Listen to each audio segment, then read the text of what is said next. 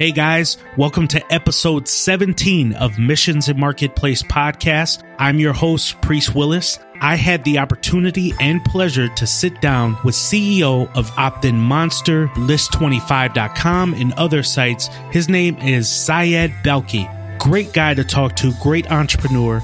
I'm really impressed with all of the different things that he's managed to get his hands in. And his story is just like ours as entrepreneurs and just like yours who want to become entrepreneurs.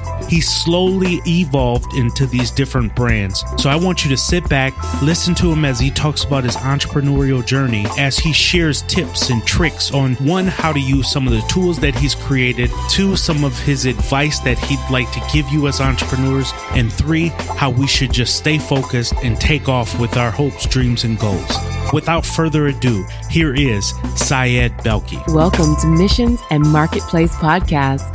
Join us as we talk to business and thought leaders to discuss their passions in and outside of business and how it drives them to give and be citizens of goodwill.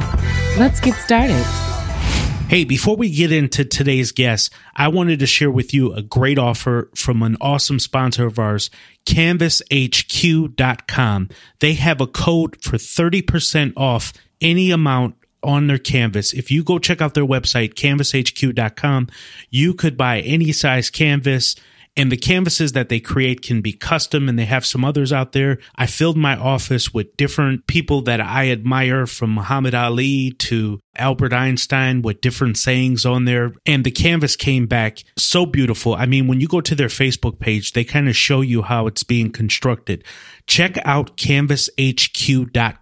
Use in the offer code MM30 and get 30% off. You'll be glad you did. Syed, welcome to the program. Thank you for having me, Priest. Yeah, it's exciting. I'm glad to have you. We talked about this before, but I saw you at a conference, an affiliate summit conference.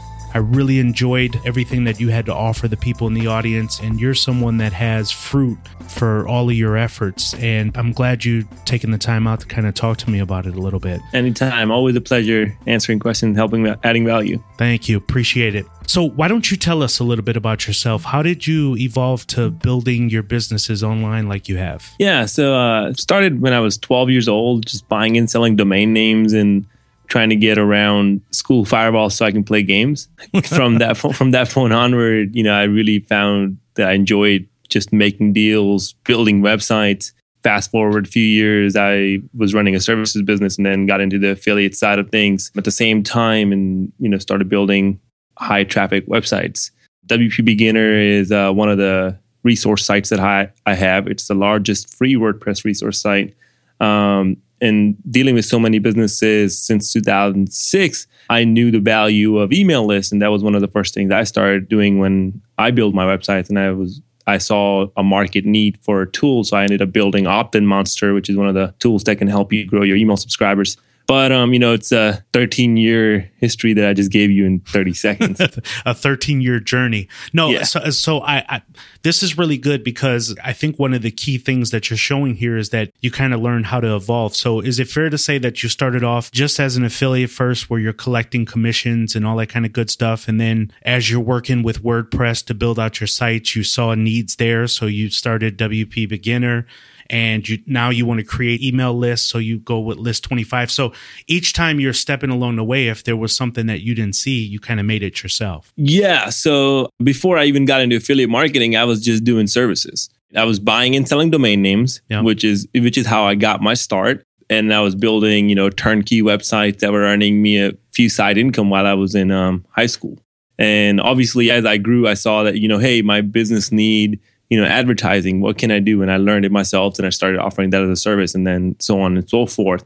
I built WP Beginner because I wanted to get out of the services space. Mm-hmm. And back in 06, when I was building websites, WordPress wasn't as robust as it is today you know, in around 2008, I wanted to exit my services business. So I gave my clients an option to switch over to WordPress so I can, you know, then just move on. And then after I had, I thought I had gotten rid of all my clients, but no, they were coming back and asking me all the questions about WordPress. And then I ended up creating WP Beginner. That's the biggest compliment. I mean, when you thought you were moving away from them, they just wanted to stick with you there. So, you know, we're taking a close look at all the things that you have going on. So let's discuss it a little bit. So you mentioned that WPBeginner.com is a resource site.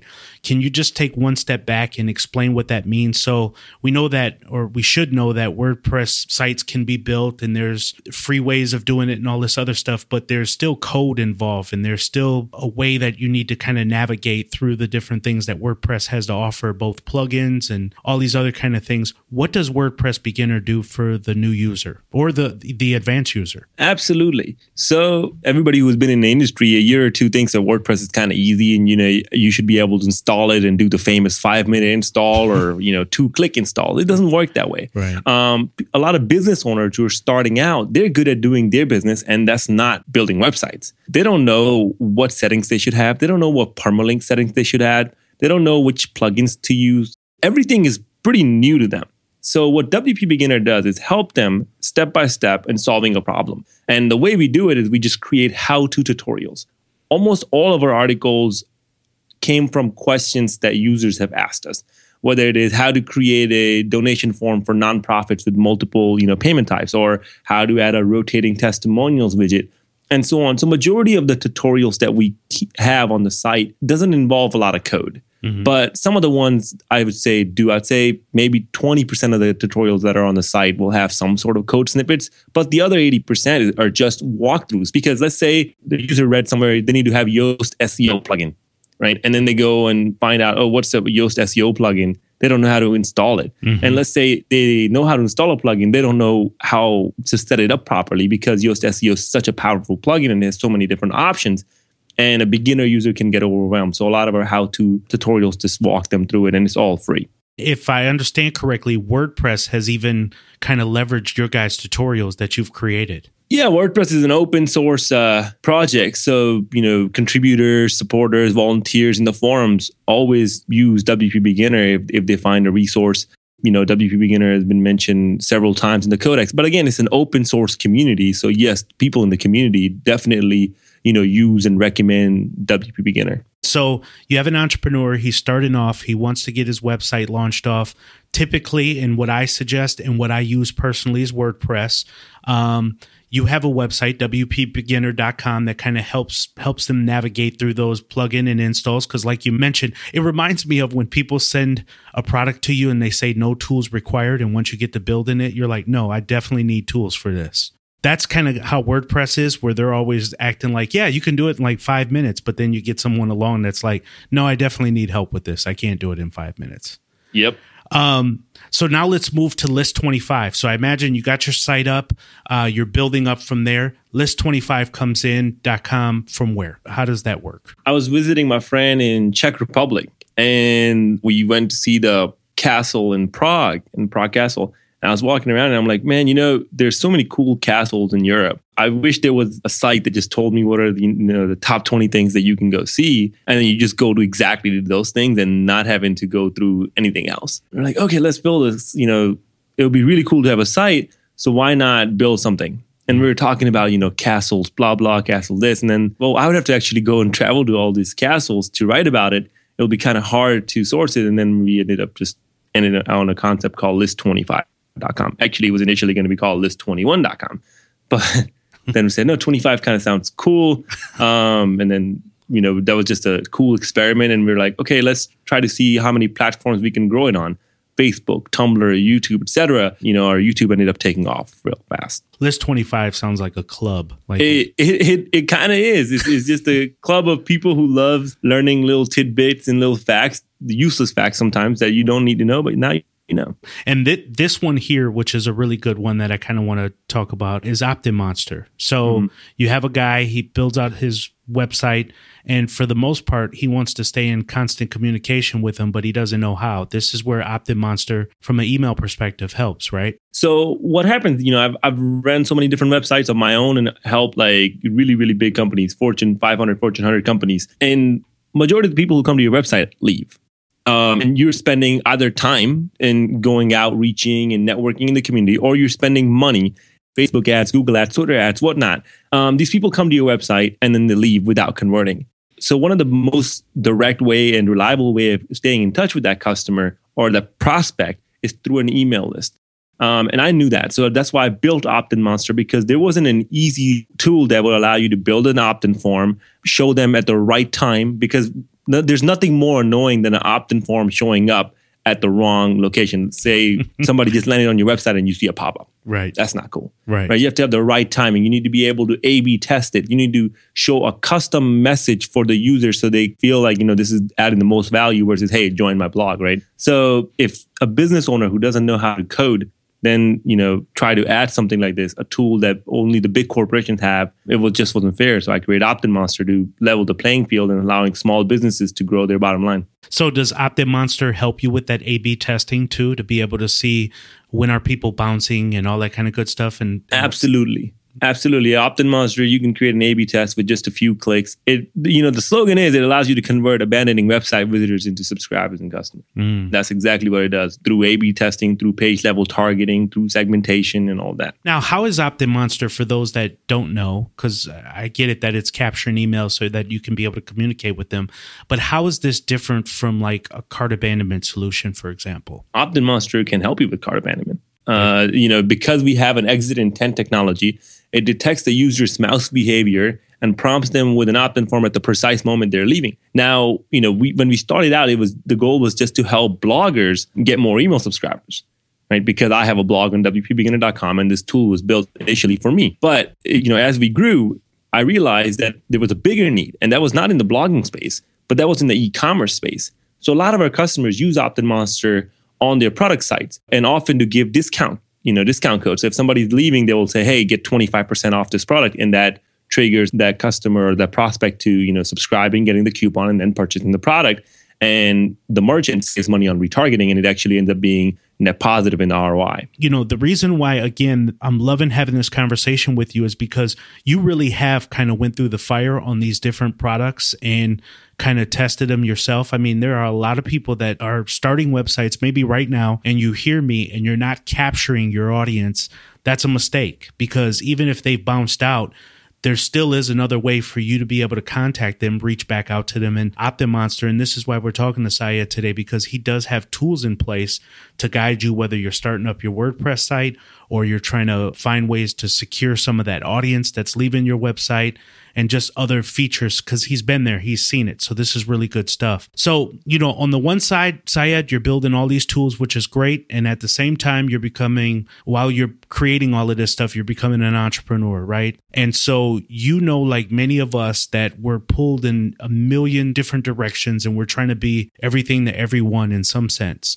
Tell me, is there such a thing as entrepreneurs taking on too much, meaning too many tasks? You know, I'm I'm the next guy that wants to start another Opt-in Monster WP beginner because I have all these great ideas and I want to do it all at once? Or is it better just to focus on one item? Or does it make sense to maybe do all of them at once? What's your philosophy on that serial entrepreneur that's trying to take on too much? You know, I've been an entrepreneur since basically I was seven years old, selling, you know, from greeting cards and in physical business and then starting online at 12. And no, I didn't have 16 different companies when I was 12 years old, right? The only reason why I'm able to have the amount of tools and different websites and different products that I have right now is because there's a system and there are teams in place. Like I'm not a one man show, which a lot of serial entrepreneurs when they're starting out are. So well, they no, like to call uh, themselves uh, entrepreneurs, and even that right. word is so overused. When you're just starting out, the key advice to being successful as a startup or as an entrepreneur is to start small. Think big, but start small. You're not going to get to this many products or product lines or different websites and diversify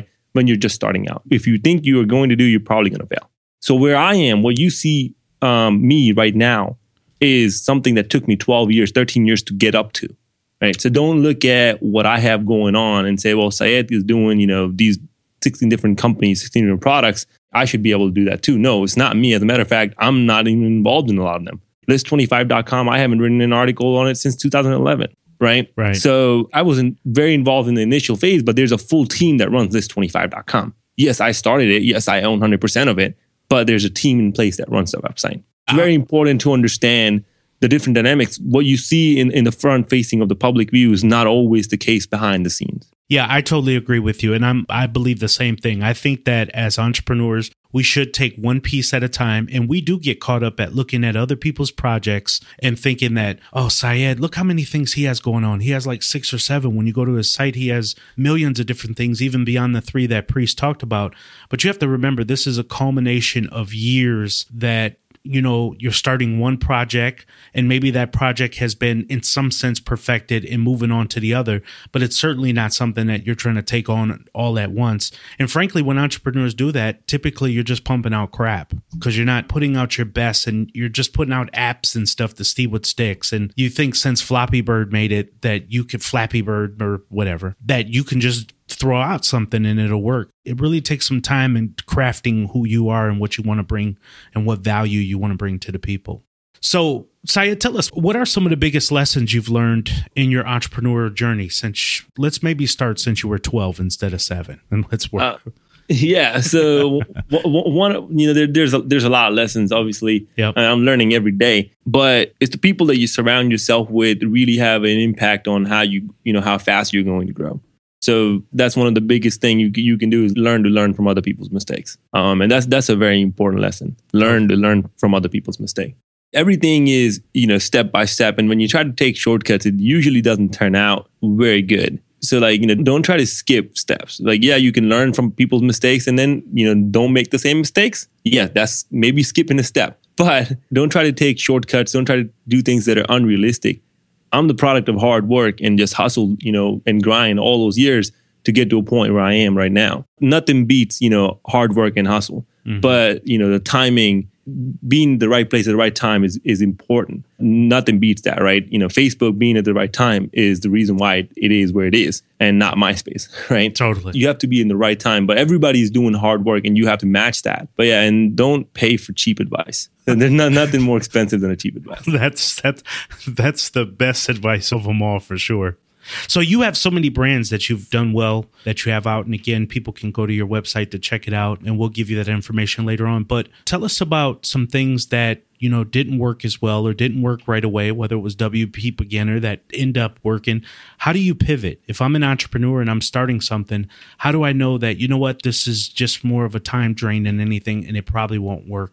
When do you know to pivot off of your non-successes? What have you done? Well you know pivoting is kind of it's hard it's hard to create a formula saying you know work x amount of hours and then if you don't work then Here, here's you, what your roi right? should be after so, working. Yeah, yeah so you, there's really really no formula for it, but I'll talk I'll talk about some of the failures that I've had and then maybe you guys can learn some lessons from it. So one of the sites that um, I wanted to start was in the fitness space and we started it, we worked on it for 8 months and then it didn't end up working out because I rushed into the partnership.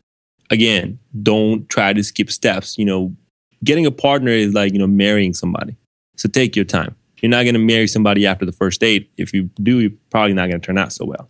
um, another thing that you guys see, Optin Monster right now, it's a product that almost never made it. We started working on it in um, November. I mean, I had I had a product right. We were using it on the website, but it wasn't like something that you would sell. It wasn't ready. It was just a bunch of script and codes that I had written up. It started in January. It spent about eight months, and we were going to build a SaaS product. Okay.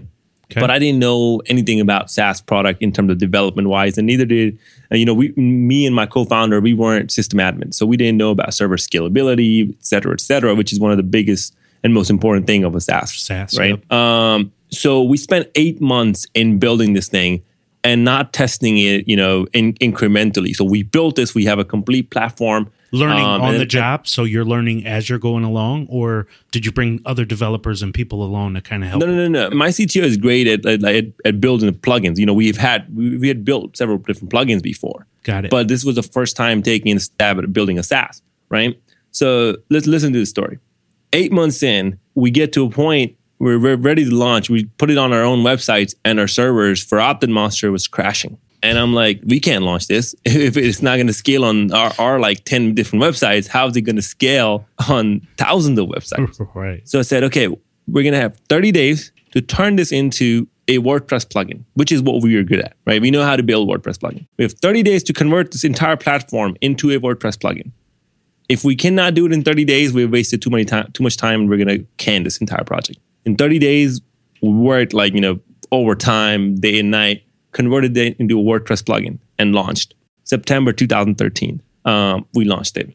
And then fast forward April of 2015, we ended up converting that into a full blown SaaS. We were just a WordPress plugin from September 2013 up till like, you know, April of 2014. So basically, changing, you initially wanted to start off as SaaS, going to a WordPress plugin bought you about six, seven more months to continue building it to the SaaS platform that you needed, basically. Well, yeah, we just didn't we just didn't have the right amount of resources. We couldn't afford when we were, you know, again, I said start small, Yep. right? Yep. So starting small as a bootstrap company, you don't have the amount of money to go out and hire a system admin. You don't have the amount of money to go out and hire like, you know, really, really top-notch engineers. Yep. So you just want to start. Now, I'm great at one aspect of things, but that doesn't mean I'm great at everything. Right? No, no one person is good at everything. So when we were starting out, we were good at making WordPress plugins and we were trying to expand our limits. We just weren't ready for it. So we pivoted, turned it into what we were good at, WordPress plugins. Then in July of 2014, we launched version two because again, SaaS was always a dream. We knew we had to go to SaaS eventually, and I would I wanted to go to SaaS. And then by July, we're like, okay, yes, we have version two. We're in a good spot. And, you know, OptinMonster launch was very successful. Then in November of 2014, we started really, you know, talking about building a SaaS. We worked on it. We had a whole team working on just the SaaS aspects of things.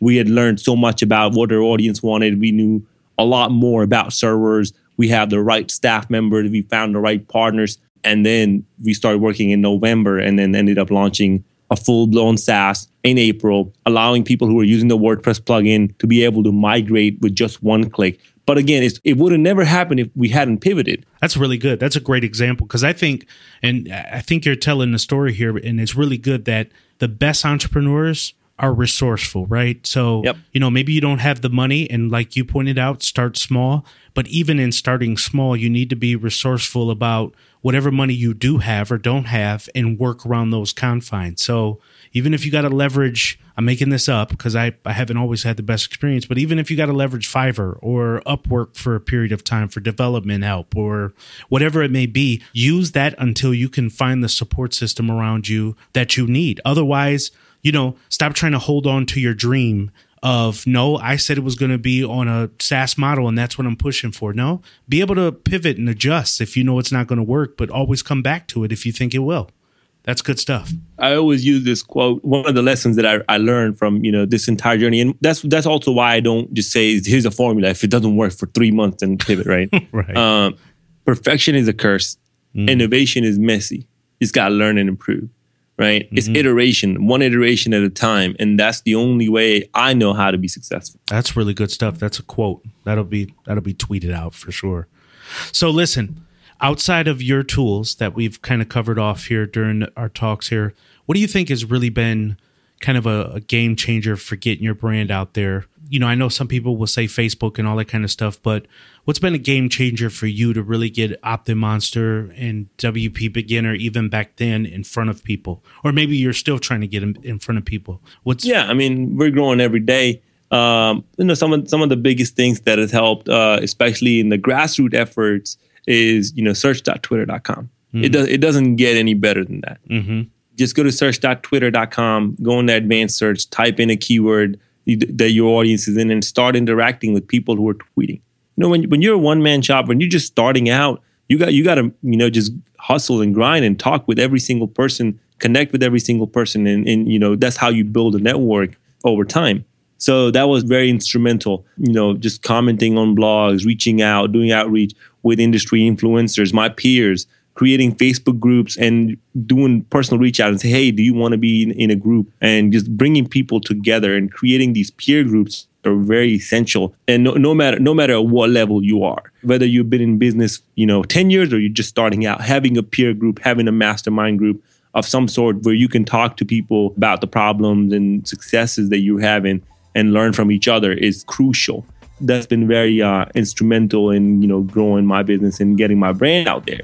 Now, um, in terms of tools, there's so many tools in the market that you can use. The ones that I really like is you know that helps me create better content are, are you know, obviously search.twitter.com. I look at what people are tweeting about, what questions they have, but also just Google Keyword Analyzer, which Google created for the advertisers. You can see what people are searching for in your space. Keywordtools.io is an alternative to that. Again, it's a free tool with the premium options. So there, there's so many tools. Editflow. Editflow helps you save so much time. It's a WordPress plugin that allows you to organize your editorial workflow.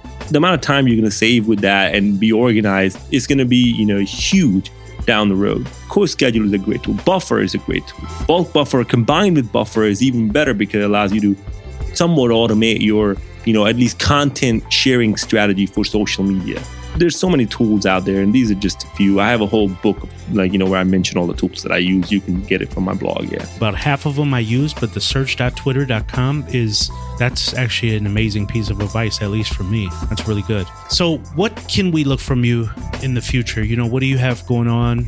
Are you still just plugging away at WP Beginner and some of your other sites? And, you know, just kind of share your site with people. What can they check out? And even to get that book and watch some videos, how can they get started? I started blogging back again on my website, syedbalkhi.com. That's where you can get, um, you know, my toolkit. Aside from, you know, that, what you can look for me in the future. We're working on a new design builder and some really advanced features for Optin Monster. Basically, taking a lot of advanced features and making them really easy for the beginner level users for an average small business owner. So that's going to be coming out, I would say, end of February. So take a look for that. If you're not using OptinMonster or, or any other tool to convert, you know, website visitors into email subscribers, I highly recommend that you do that. Um, we're working a lot on an Envira Gallery, which is um, a plugin that I have for photographers. So expect to see a lot lot of uh, new features in that. But um, yeah, th- those three are my main focus for this year. Wow, you are like the prince of plugins. Maybe you're the king. I don't know. You should get a T-shirt that says Prince of Plugins. But um, this is really good. I appreciate it, Syed. You've been wonderful. I really appreciate your time and jumping on this interview with me. Thank you, Priest. Thank you. Thank you for listening to Missions and Marketplace. If you have a brand or business that you want to take online, or you're already online and looking for more exposure, visit us at affiliatemission.com, the premier affiliate marketing and management agency. Also, feel free to get social with us and check our Facebook, LinkedIn, and Twitter pages and share with us your story on how you're leaving a mark in the world.